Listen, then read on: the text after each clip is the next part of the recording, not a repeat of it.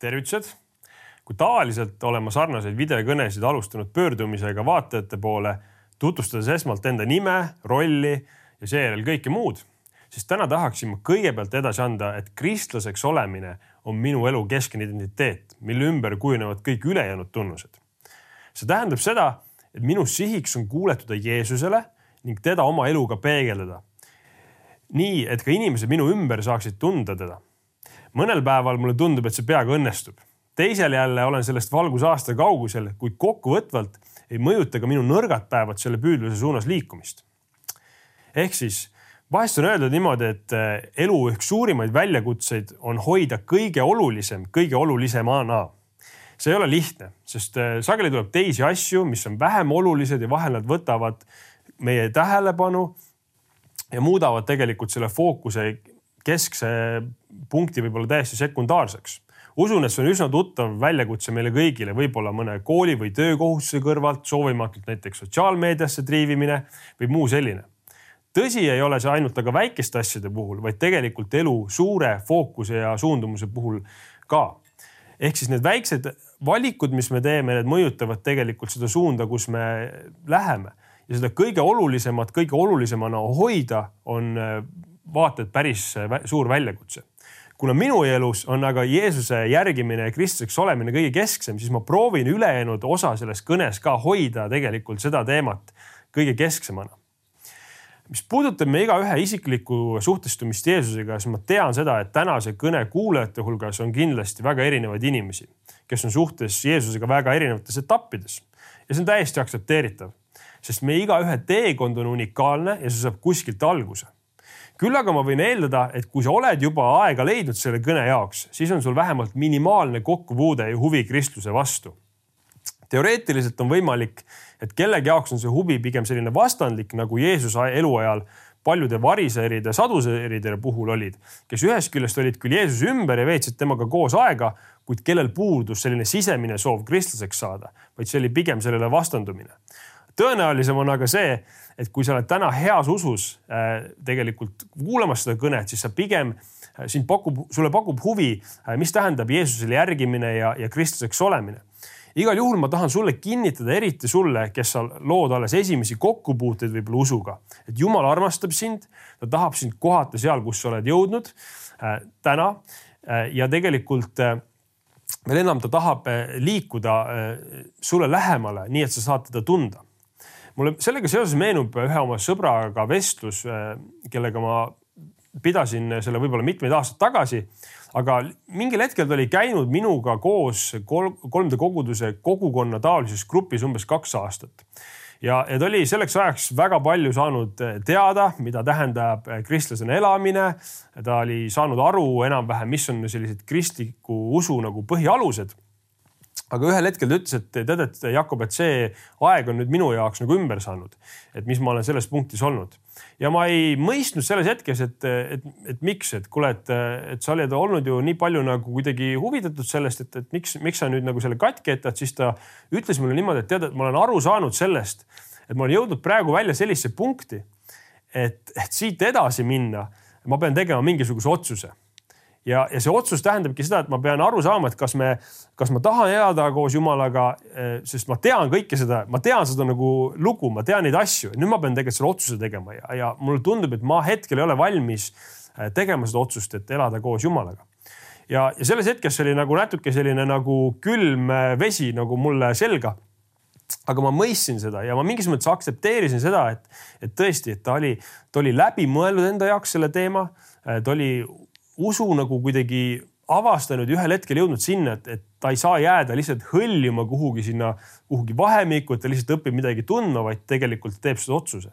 ja ma arvan, et iga inimene varem või hiljem sellel teekonnal, kus ta mõtleb, kas tahab elada kristlasena või mitte, jõuab sellise otsuse punkti. et, et ei saa jääda sellisesse otsustamatusse äh, etappi ja kristlaseks olemine minu meelest tõepoolest on otsus. Mingis mõttes on igapäevane otsus, mis indikeerib seda, et tõeliselt Jeesuse järgijaks ei saa lihtsalt tahtmatult libiseda. see on teadlik ja tahtlik eluvalik. Raske võib-olla seda kujundlikult täpselt edasi anda, aga kui mõtle korra selle peale, et sa käid näiteks raamatupoes piiblit uurimas iga kord, kui sa raamatupoodi satud, siis sa võtad piibli kätte ja vaatad seda ja loed seda ja imetled isegi seda ja vaatad ja ja, ja samas ükskõik kui palju sa raamatupoes seda uurid ja, ja seda nagu kuidagi avastad, siis sinu omaks saab see päriselt alles siis, kui sa teed selle nii-öelda otsu, ostuotsuse. siis saab see piibel sinu omaks. ja mingis mõttes kristlaseks olemise puhul on see näide kaudselt väga sarnane ainsa erinevusega, et rohkem kui Jeesus saab meie omaks, saame tegelikult meie Jeesuse omaks läbi selle hinna, mis ta oma ristisurma ülestõusmise eest meie eest on maksnud. Ja, ja mida võib-olla selle pealtnäha keerulise, kuid eh, lihtsalt väga sisuka mõttega ma edasi anda tahan, on see, et, et Jeesus maksis meie pattude eest oma elu hinnaga, et meil võiks olla uus elu, kes me oleme valmis selleks eh, uueks elus, andes täielikult ennast üle Jumalale ja see on küsimus, kas tegelikult mina ja sina oleme valmis äh, ka ise kristlaseks saama ja kristlasena elama. Kujund, mida piiblis kasutatakse kristlaseks saamise kohta näitena on uuesti sündimine. kui Jeesus rääkis äh, ühe variseride ülema Nikodeemusega Johannese evangeeliumi kolmandas peatükis, siis tuli esile seal nendevaheline dialoog ja ma loen selle ette kolmandast salmist. tõesti, tõesti, ma ütlen sulle, kes ei sünni ülalt, ei või näha Jumala riiki Nikodeemus ütles talle, kuidas saab inimene sündida, kui ta on vana? ega ta saa ju minna tagasi oma ema üska ja teist korda sündida. Jeesus vastas, tõesti, tõesti, ma ütlen sulle, kes ei sünni veest ja vaimust, ei saa minna Jumala riiki. selle valgel võiks öelda, et uuesti sündimine on konkreetne hetk, mille tunnu, tunnistuseks ja tunnuseks on Jumala töö inimeses oma vaimu läbi ja inimese tunnistus sellest ristimise läbi. selle kinnituseks on tegelikult tunnistuslood tõesti evangeeliumites, mida võime lugeda, Apostlite tegude raamatust, 3D kogudusest täna üle Eestimaa erinevatest kogudustest kuni globaalse koguduseni välja. me tegelikult näeme seda, et, et see tunnistus uuesti sündimisest, et inimese elu võib saada uueks, see tegelikult eh, on mingi reaalsus, mis, mis täna ka jätkuvalt juhtub. Eh, seega küsimus eh, on see, et kui me teame oma füüsilist sünnipäeva enam-vähem igaüks siis kas me teame ka seda, et meie vaimulik sündimine on aset leidnud? ning kui mitte, siis minu küsimus on see, et mis on takistused, et kas sina võiksid vaimulikult uuesti sündida ja tõeliselt Jeesuse omaks saada? see, see seeria, kus me täna oleme, mille mina siis nagu avan sellel uuel aastal, on, kannab pealkirja Selgus on julgus ja kui me liigume nagu natuke siit edasi ja mõtleme kristlaseks olemise ja, ja, ja võib-olla saamise osas, siis me käsitleme selle seeria jooksul veel äh, paljusid teemasid, mis võib-olla indikeerivad äh, selliseid põhiküsimusi, mis, mis kristliku usuga kaasas käivad või mis on ka samas, samal ajal aktuaalsed äh, täna ühiskonnas. ja, ja minu meelest kristlaseks olemise tunnistamise puhul on just selle julguse omamine ja selguse omamine väga-väga oluline laiemalt minu hinnangul me elame sellisel ajastul, kus pigem ei soovita asju deklareerida välja valitseb selline hägusus, et võib-olla see on isegi teatud määral tundub selline tarkuse sümbol, sellepärast et jutumärkides tark inimene jätab ju otsad lahti, ta ei võta nagu selliseid absoluutseid seisukohti. ja siis, kui ühiskondlik suundumus muutub, siis on hea nagu lihtsalt eh, iseennast nii-öelda kuidagi kaasa eh, viia sellega ja, ja öelda, näed, tegelikult ma, ma olen alati nagu seda justkui eh, õigeks pidanud. ja see on vähemalt selline poliitiline pool, mis mulle tundub aga, aga see on mingis mõttes kandub üle ka suhtesse Jumalaga ja, ja kogudustega. Minu hinnangul on näha seda, et, et on mingis mõttes ebamugav võtta seda seisukohta, et jah, ma deklareeringi midagi välja jäägitult ja ütlen, et, et Jeesusele alistumine, Jeesusega koos elamine ongi minu elu kese. aga kristlasena mulle tundub, et see on nagu ainus võimalik viis kuidas me üldse saame seda elu elada, et see saabki olema tegelikult meie kese, mis, mis kandub meist välja. ja samas ma tean seda, et ükskõik kui, kui tugev sa oled oma usus, siis sa võid isegi mõelda, et ei, et minu puhul see ei kehti, et mina olen alati väga julge, mina alati ütlen oma seisukoha välja, siis, siis vaatame korraks piiblisse ja näeme seda, et Jeesus üks lähemaid olevaid jüngreid, Peetrus, ka tema isegi äh, tõsimeeli äh, seisis silmitsi sellise arguse momendiga ja kui see võis juhtuda Peetrusega, kui palju võib see juhtuda tegelikult iga inimesega, kes ennast ühel hetkel kristlaseks tunnistab? Äh, ma, ma tahaksin võib-olla sellest loost tuua esile seda, et, et, et mind on nagu kõnetanud see lugu võib-olla mitmel tasandil. aga kõige enam on see mind kõnetanud just sellel tasandil, et, et ühest küljest inimene, kes on valmis ühel hetkel maha jätma kõik, mida, mida Peetrus tegi, siis viimases hädas isegi ta oli valmis haarama mõõga ja valmis kaitsma Jeesust ja, ja, ja olema nagu seisma Jeesuse eest, siis ometi ta jõudis sinna punkti, kus ta eitas olevat endal igasugust seost Jeesuse isikuga. kui mõtlema panev see tegelikult on, Jeesuse lähim ünger, kellele peale ta ütles, et tema ehitab oma koguduse, see hirm tabas Peetrust. Äh, ja ja samas see hirm võib taga, tabada igat inimest ja ma ei ütle, et see tabab tingimata kõiki aga see tähendab seda, et me oleme haavatavad, me oleme, me oleme puudulikud inimesed ja, ja kui on meil mingi tagakius või mingi kannatamine või mingi muu asi, mis meie elus kõikuma lööb, siis, siis tegelikult see võib lüüa ka kõikuma meie usukindluse. ja sellepärast on nii oluline pöörata selle rõhku ja kui Peetrus oli tegelikult äh, aru saanud sellest momendist, kus ta oli justkui salanud ja reetnud Jeesuse, siis tegelikult seal toimus ka tema elus veel mingisugune teistkordne elu muutus kus ta ähm, oli valmis äh, tõesti seisma enda usu eest ja, ja, ja tegelikult isegi saama peksa enda usu eest, füüsiliselt tagakiusu kannatama ja, ja kogema. ja korraga oli siis koguduses seal üks selline olukord, kus äh, Peetrus oli kinni võetud ja, ja ta uuesti vabanes ja, ja tuli uuesti koguduse keskele ja ma loeksin ette Apostlite tegude neljandast peatükist äh, kahekümne üheksanda salmi, mis nagu kehastab seda, mida siis kogudus tegi, kes oli just kogenud sellist tagakiusu, kes oli valmis nagu mõtlema selle peale, kuidas nad saavad edasi viia seda sõnumit Jeesusest ja seal kahekümne üheksandas salmis ütleb nii. ja nüüd, issand, vaata nende ähvarduste peale ja lase oma sulastel täie julgusega kõneleda sinu sõna. See oli need salmid, mida, mis, mis tuli esile nagu selle, see, see koguduse taotlus, igatsus. ehk siis algkogudus, kes, kes elas sellises muutlikus ja tagakiuslikus ühiskonnas palvetas Jumalat ekstra seda julgust äh, kõneleda sõna. ja ka need mehed, kes olid just mõni hetk tagasi kogenud äh, tegelikult äh, piitsa ja, ja, ja tagakiusu, ikka palvetasid seda julgust võib-olla, mida see kõige enam annabki meile edasi, on see, et ärme ainult mõtle, et ühel hetkel, kui me suutsime olla oma usus tugevad ja, ja seista millegi eest, siis see king, tingimata juhtub ka järgmisel hetkel me näeme tegelikult piibli laias narratiivis seda, kuidas inimeste elud ühel hetkel tulevad ja lähevad ja muutuvad.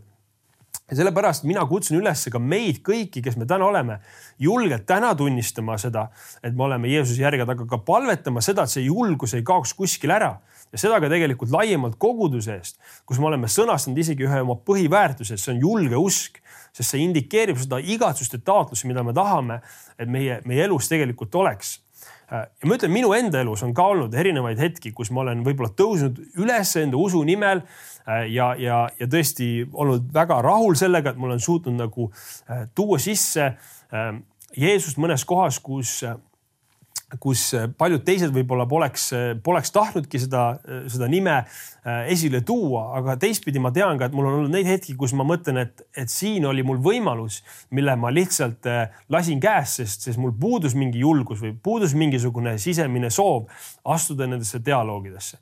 ja, ja ma ei tahaks öelda, et tõesti, et see on nagu kuidagi selline äh,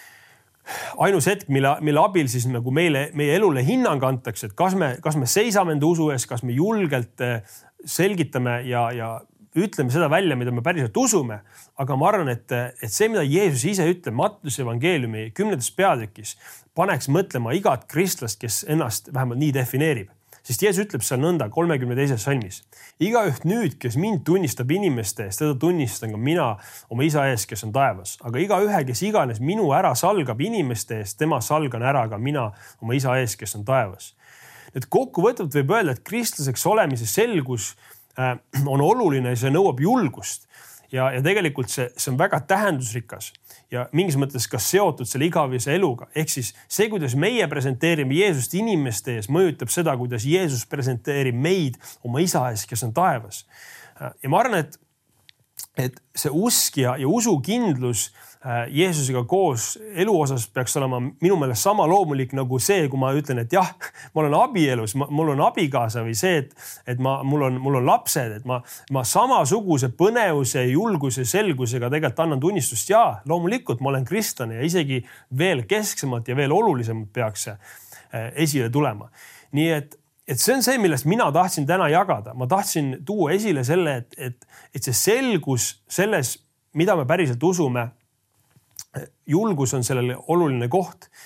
ja, ja see, milline on täna sinu suhe Jumalaga, milline sinu suhe Jeesusega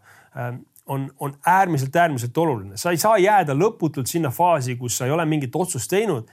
ja sellepärast ma julgustan sind täna äh, mõtlema selle peale ja tegema mingisuguse valiku, selles mingis mõttes see valik on juba tehtud. kui me alles kaalume, siis me tegelikult ei ole veel teinud otsust Jumala kasuks ja see on tehtud otsus. Aga ma julgustan kõiki meid astuma elavasse suhtesse Jeesusega, iga päev palvetama julgust teda tunnistada inimeste ees ja tegelikult selle kaudu andma edasi seda head sõnumit Jeesusest kõikjal maailmas, kuhu iganes me liigume ja oleme. Ja ärme arva, et see tuleb iseenesest, vaid tegelikult taotleme seda, seda julgust jätkuvalt Jumalalt iga päev, kus me elame ja oleme. ma tahaksin lõpetada selle palvega ka meie koguduse osas ja, ja palvetada seda, et, et Jumal annaks tõesti meile äh, seda julgust tervikuna ja, ja indiviididena üksikult ka. hea taevane isa, me tuleme sinu ette. Äh, me oleme sinu lapsed, me võime tunnistada sind kui enda enda elavat äh, issandat ja me usume, et selle kaudu, aga sina tunnistad meid oma isa eest, kes on taevas. Ja, ja selle kaudu võib meil olla igavene elu, mida sina oled teinud ristil meie eest. jumal, aga aita meil püsida selles usus, aita meil elada seda usku ja kehastada teda julgelt, ükskõik kuhu me läheme, ükskõik kuhu me satume. me võiksime tõesti olla sinu saadikud seal. amen head arutelu teile, kes te olete kogukonna keskel, on mõningad küsimused ma loodan, et need tekitavad head diskussiooni teie keskel. aitäh teile